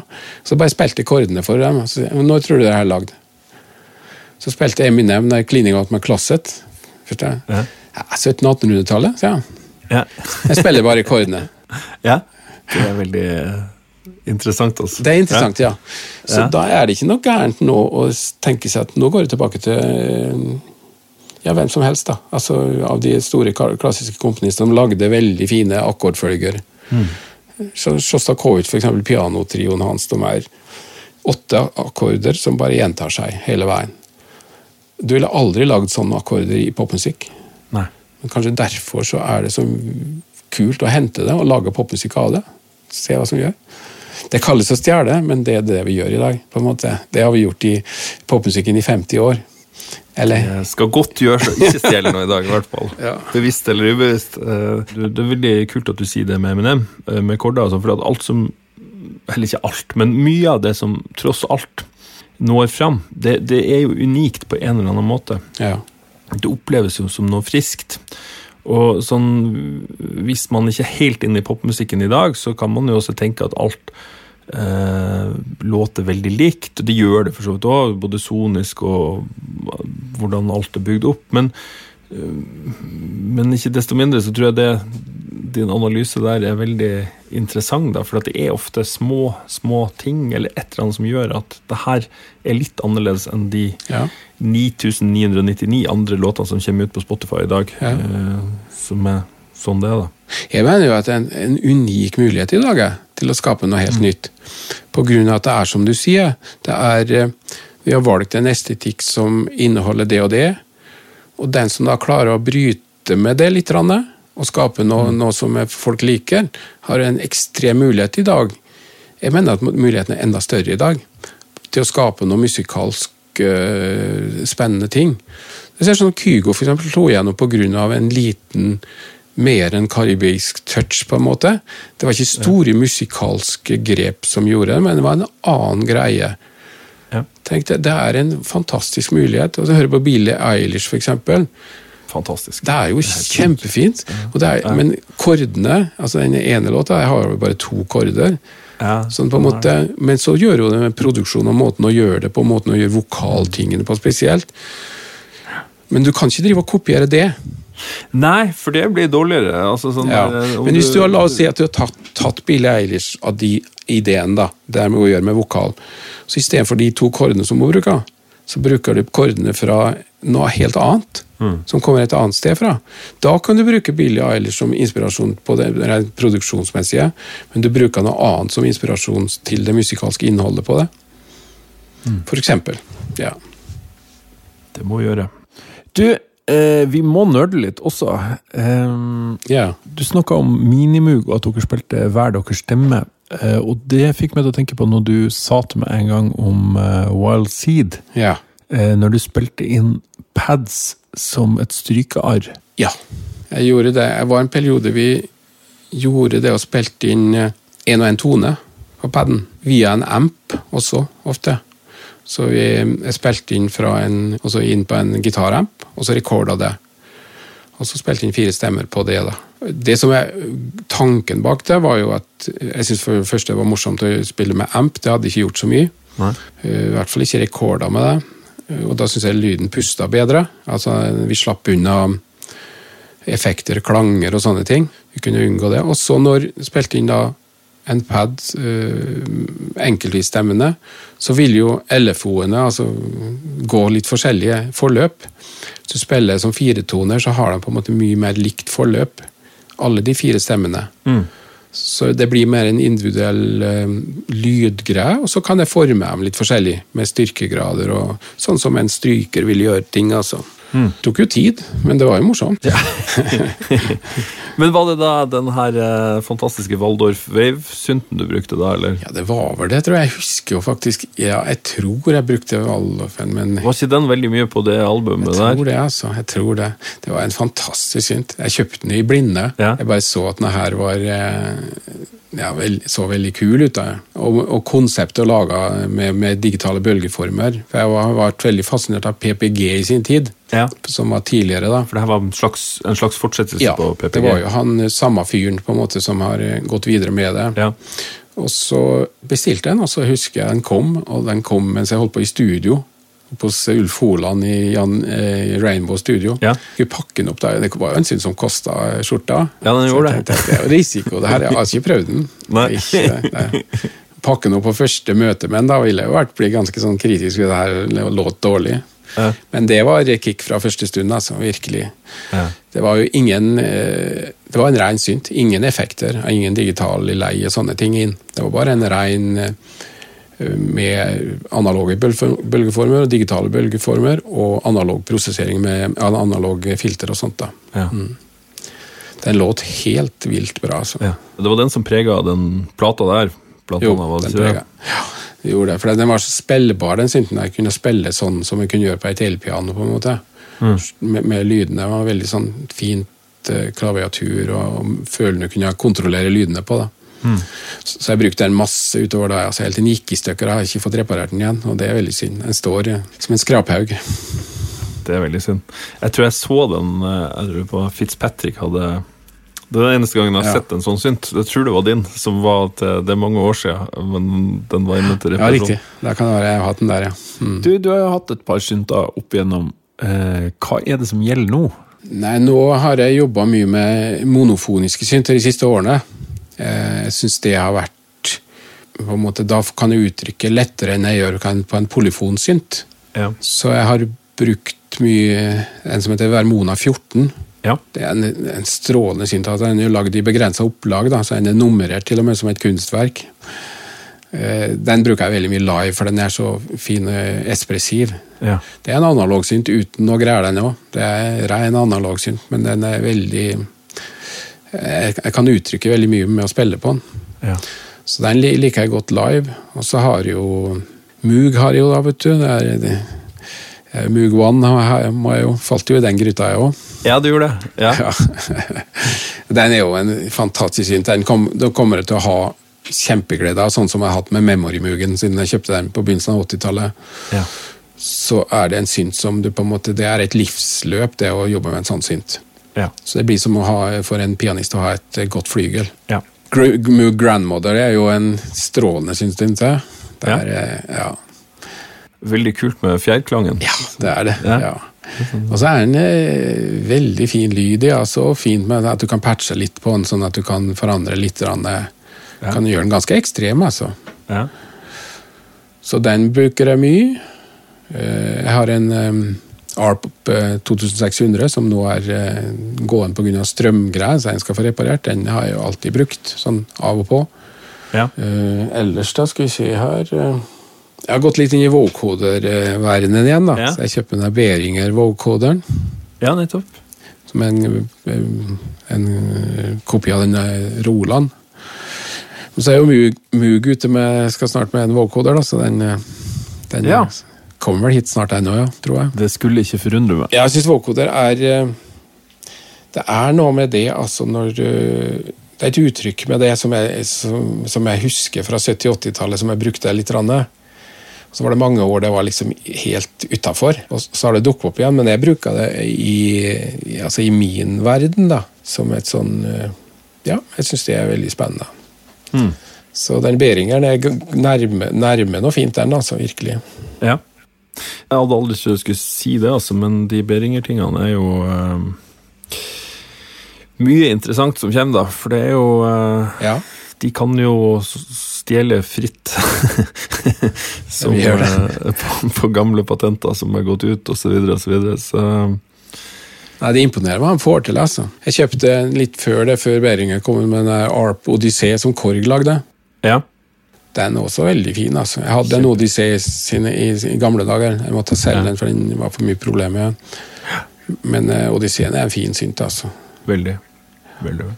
Så har jeg liksom sånn uh, sekvenser som uh, Moog, Mother 32, Ja. DFAM, Drummer from Another Mother. Ja. Jeg liker de eh, enkeltstående syntene som kanskje gjør bare én ting. Mm. Som har én styrke i lyden sin, og ikke liksom du skal dekke Ingen workstation hos meg. Det, er, det, det klarer ikke jeg å jobbe med lenger. Det var en liten, kort periode på 90-tallet, kanskje, men så Ja. det, det gikk bort igjen, det. Mm. Ja. En uh, softwareverden og sånn, du har jo vært på en måte i frontposisjon der i hele utviklinga. Bruker du mye av det nå, eller foretrekker du hardware? Jeg foretrekker hardware når det gjelder synter. Ja, men jeg lager jo demoer på noen synter. altså Jeg har i Arturia på en Ja. måte bøndelen. Men det var jo en periode jeg jobba fryktelig mye med eh, altså um, software-ting. Magne Furuholmen er prosjektene våre. Da var det vi jobba masse med å bearbeide inne i Mm. Og lage og knuse lyd inni det. Det var på en måte vårt uttrykk da, å, jobbe med flere taktarter samtidig. Det var noe som jeg begynte med da, som jeg egentlig fortsetter med nå. At det er eh, forskjellige forløp i i ting. da, En, en går i fem åttende, eller en går i ni fjerne, eller en går i 13 åttende, eller, og de figurene sammen da blir et eller annet forløp. Så da begynte jeg å jobbe med det, og da, men da brukte vi brukte jeg mye sånne ferdiginnspilte ting. Som, eh, eller vi, vi rekorda først med musikere, og så bearbeidet jeg inn i Pro Tools for eksempel, og knuste det med, med plugins. eh, Brekka ned lyden igjen, lofi-a, på en måte snudde, reverserte, inverterte, gjorde masse sånne ting. Og kutta på en måte litt sånn i blinde noen ganger med å bare kjøre en mute-automasjon uten at jeg hørte musikken. Ja. Da bare ser han går bortover, og så sitter jeg bare og lager mute i et eller annet forløp som er min egen puls da, der og da. Så lar jeg det være ett av elementene i den greia, f.eks. Ja. Den kan gå et helt annet tempo enn den låta går i, akkurat i mute-greiene. Så da jobba vi veldig mye inn i computeren med sånne ting, altså. Vi gjorde jo en musikk til en eh, film. Eh, Filmen ble jo ikke sånn topp, men eh, altså, prosessen vi gjorde, var eh, Filmen heter Høtten 1732, tror jeg. Da vi, var vi midt i vår dogmeperiode, Magne og jeg, så vi liksom satte opp dogmer for hvordan vi skulle gjøre det her. Så vi dro til studio til Frode Alnes ved Kristiansund. Ja. hadde med oss Per Lindvall på trommer og Frode på gitar og Magne og meg på keyboard. Og så hadde vi med Helge Steen, Death Prod, på, på, som tekniker. Ja. Så sier vi vi har ingen musikk. Det vi gjør nå, er å improvisere. Mens jeg hadde bare ARP 2600, og den jeg kunne spille på i tre dagene var det. Ingenting annet. Magne hadde den første DX7. Per Lindvall hadde én mikrofon. Han kunne plassere den hvor han ville, men det var hans, det var det hans valg. Og så Frode husker jeg faktisk ikke dogmet hans, da, men så var det Helge som satt på en måte og rekorda alt inn på Pro Tools. Og kunne da kjøre en tapning på oss plutselig, sånn at jeg, når jeg spiller på mitt, så plutselig kommer det noe helt annet ut. For at eh, han har kjørt inn en eh, tapning til en, en distortion eller eh, et eller annet sånt. Ja. Og så improviserte vi her i jeg hadde sikkert fire timer musikk, og så satt jeg og bearbeidet det etterpå og fant ut det som jeg syntes var kule strekk og sånne ting. da. Og så lagde jeg på nytt ny musikk ut av det. Det var, det, akkurat den prosessen der syns jeg var veldig morsom, og det gjorde vi flere prosjekter på, Magne og jeg. Så, men det, alt har sin tid, det òg. Det var én tid. Og så måtte jeg jobbe på en annen måte igjen. Leter du alltid etter nye måter å jobbe på? Jeg tror det. Altså, jeg har et veldig sånn sterkt eh, prinsipp som utvikla seg. Jeg, på 80-tallet, vet du, når vi, vi lærte jo av feilene vi gjorde, håper jeg, at eh, når eh, Jeg har hørt på en låt en stund, så det løfta seg ikke ordentlig på refrenget, sier vi. Og det vi gjorde da, å pøse på mer på refrenget, helt til vi oppdaga at hemmeligheten er jo ikke der, men det er å ta vekk noe på verset Ja. på en måte å sette begrensningene uh, er mer uttrykksfylt enn å bare pøse på. For pøse på alt det vil jo egentlig bli, bare støy til slutt, i, verste, i sin verste form. Så derfor gjør jeg sånn at uh, når jeg gjør et prosjekt nå, så bestemmer jeg at de to instrumentene skal jeg bruke. Jeg har jo nok av synter, og det er faren også for at du kan begynne å lete i alle, alle av dem. Men hvis du sier at jeg bruker to synter på denne produksjonen her, så blir du, da må du tvinge din kreativitet mer. For du sitter med følelsen at oi, den synten den som står bortpå der, den kunne gjort det her kjempefint nå. Men jeg kan ikke gjøre det. Nei. Så derfor så må jeg, må jeg tvinge det her, og jobbe med det her til at jeg får det til på det her. Det er det jeg tenker på. Og også sånn tonalt, eksempel. Jeg har vært veldig inspirert av har gått tilbake til gamle Messiaen, Olivier Messiaen, de siste årene. For jeg har lyst til å komme meg ut av dur-moll-tonaliteten litt. Og se hva vi kan komme inn på, hva andre har tenkt. Messiaen laga ni moduser, altså ni skalaer, egentlig, som han lagde som sine egne. Så de siste, årene, de siste tre årene har jeg jobba veldig mye med tredje modus. da. Og lagd min egen variant av det, som ender opp med tre andre akkorder enn C, F og G, f.eks. i CD. Så ender jeg opp med C, E og GIS, som er mine akkorder. Ja. Og det er, da er det en begrensning, for du kan sitte og si at det har vært mye lettere hvis jeg tok en F-tur her nå. Men jeg kan, jeg kan ikke gjøre det. Jeg må tvinge det inn i det tonale mønsteret og den skalaen han har. Jeg tror av og til at det er å sette sine begrensninger sjøl. Eh, gjør det at du må tvinge mer fram i deg sjøl. Noen ganger kan det være tungt, altså, og du får ikke til noe. eller Men jeg tror heller på den metoden. da. Er sånne begrensninger også noe du bruker når du skriver musikk? Eller hvordan blir musikken din til? Ja, det, er, det er flere metoder tror jeg, som jeg bruker der. Av og til kan jeg sitte og hamre som du sier, til det dukker opp noe. Jeg, jeg gjør litt sånn som, eh, som jeg fortalte med Keith Emerson. på en måte Improviserer og så tar opp alt du gjør, og så hører du etter hva som var fint, om det ligna noe innimellom, og så og vi videre med det. Det kan være én metode. En annen metode som jeg brukte mye på, på Stabat Mater, som jeg skrev for to-tre år siden, det er at jeg brukte step-sekvensere. eh, Analoge step-sekvenser, og, og fora inn det.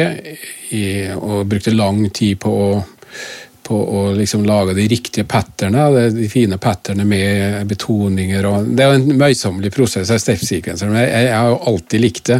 Ja. Og så tar jeg og eh, av og til på en måte randomiserer rekkefølgen der, at den blir tilfeldig. Jeg ber den gjøre det. Og så tar jeg opp alt det, for alt det her er jo det er ikke programmerbart, så det er jo bare Det ligger der så lenge du har det åpent, og når du slår ned, så er det på en måte annerledes igjen. Så jeg rekorda det på, på Pro Tools.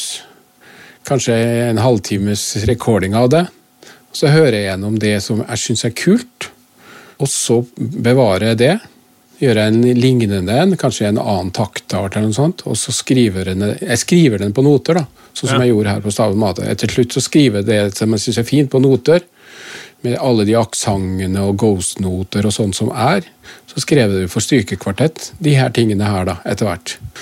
Så det blir på en måte en helt annen tilnærming, for da blir det tilfeldighetsprinsipp, men samtidig med eh, min kontroll av det, da, mitt valg av det til slutt. Og akkurat her, da, som du snakka om, det skalaen med Messiaen, og sånn, så brukte jeg da skalaen til Messiaen, den tredje moduset, f.eks., til å lage det på step-sekvenser.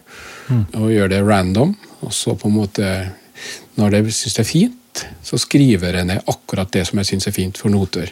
Og, spi- og så skriver jeg for stykkekvartett. da. Det var sånn jeg gjorde det der. Mye på stav og tomater. Ja, og det er en metode, kan du si.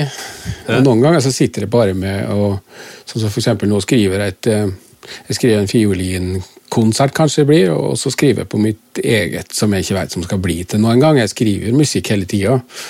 Så bare lagra. Det ligger et lager der som jeg kan ta fram en gang iblant. Og nå sitter jeg mye med Moog One, da, der jeg sitter og lager patcher.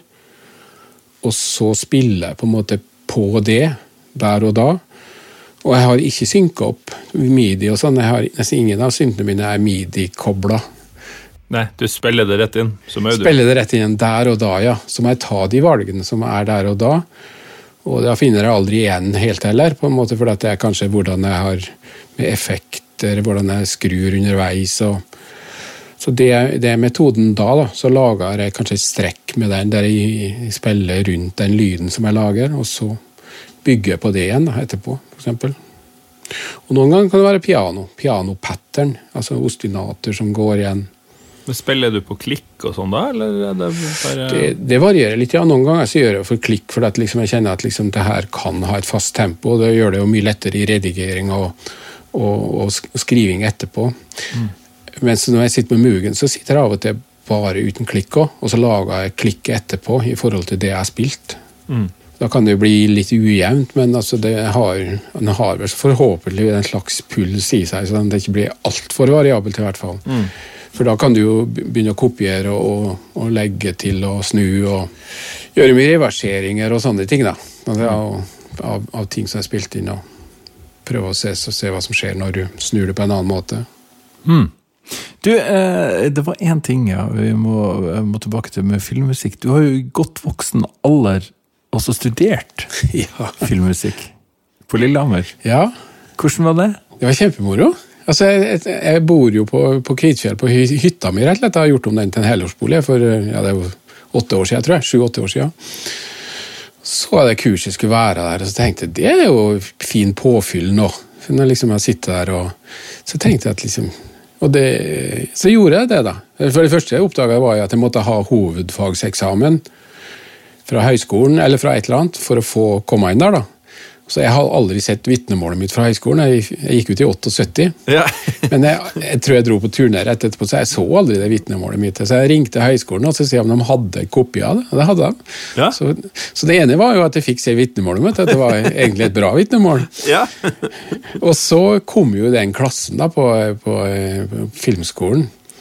Med Gisle Kverndokk og A. Jensen og Tormod Tvetevik. Og det var, det var jo litt av en klasse, altså.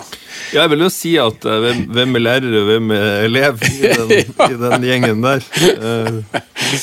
Men det er jo det som er fine, men jeg trenger ikke være lærer elev, for alle har jo noe å tilføre.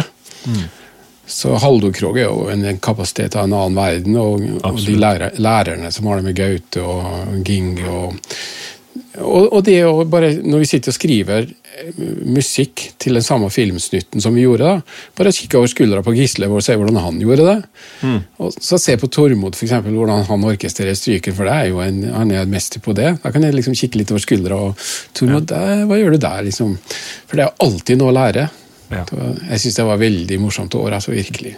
ja. Så nå har jeg to skoler, da. Har Ja. Både høyskolen og den, så jeg har papirene i orden nå hvis noen skal Papir. Ja. Veldig bra. Du, eh, da tror jeg vi begynner så smått å nærme oss um, at jeg skal spørre, er det noe mer? Er det noe du vil snakke om? Uh, Nei, jeg, jeg veit ikke. Har vi ikke vært innom masse eh, ting? Altså Jeg, jeg liker jo Jeg liker jo å treffe folk som har gjort ting som ikke jeg har gjort. Ja. I den utfordringa der. Jeg vil gjerne Det er jo litt Pippi Langstrømpe, det, det har jeg ikke prøvd, så det får jeg over til. Ja. Jeg liker de møtene med folk som har en annen referanse enn meg sjøl. For det, det gjør at jeg må strekke meg. For eksempel, jeg jobba med et band en gang der jeg spurte om eh, jeg skulle arrangere, og så får jeg meldinga tilbake der jeg Men husk at vi på plata stemte vi gitaren i E, og nå stemmer vi gitaren i S. Og så skrev han ikke i flat, sånn som vi bruker, men han skrev bokstaven S. Ja. Så jeg tenkte, ja, Det er fryktelig nyttig for meg å vite, for det har ikke noe med vi, vi av og til vi på en måte hersker med våre kunnskaper innen de forskjellige felt. Så bruker jeg en slags hersketeknikk med å si at eh, Da visste jeg at overfor han så kunne jeg ikke bruke fire takter eller en fem fjerdedelstakt. eller noen sånne ting. Vi snakker på et annet språk, og vi må aldri gjøre sånn at det blir mindre verdt. At teoretiske kunnskaper blir mer verdt enn praktiske kunnskaper. Og hva vi kaller det eller ikke. Musikk har ikke noe med det å gjøre. Musikk har noe med noe helt annet å gjøre, og et uttrykk, uavhengig av hva det heter. Om det da heter eh, S eller I flat eller hva det enn er, hva vi kaller det. Hvis du jobber der, så er det det.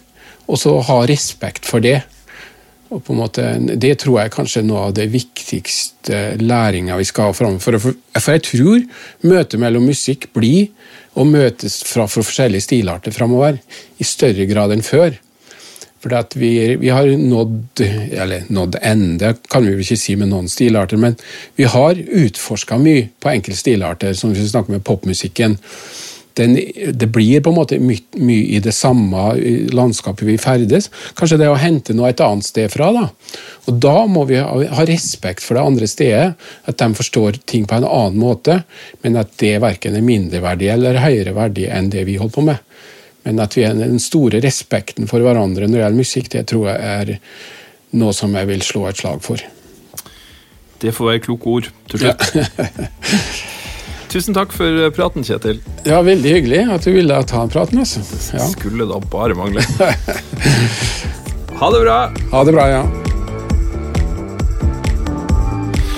Det var Kjetil Bjelkestad. Han tror jeg også er en eh, fyr som har planer for de neste 20 årene når han fyller 80 år. Veldig inspirerende mann. Eh, Som sagt i starten, hvis du ønsker å gi en donasjon til Bakspakene, så kan det gjøres på VIPS 601 095. Bakspakene har ei Facebook-side og en Instagram-konto. Gå inn der og følg oss, så holder du deg oppdatert om hva som skjer i podden. Hvis du sitter med mobilen og lytter på Apple Podcast nå, så er det kjempefint om du legger inn en rating. Da vises Bakspakene bedre i iTunes. Legg gjerne også igjen en kommentar om hva du syns. Da gjenstår det bare for meg å takke denne episodens annonsører, Scandic og Noroff, samt Bakspakkenes faste samarbeidspartner Platearbeiderforeningen. På platearbeiderforeningen.no kan du melde inn og ta del i en rekke medlemsfordeler. Det koster 550 i året, eller 400 hvis du er student. Da vil jeg til slutt få ønske alle lyttere en riktig god påske i den merkelige, merkelige tida som vi lever i nå. Mitt navn er Ole Henrik Antonsen, og vi høres snart igjen.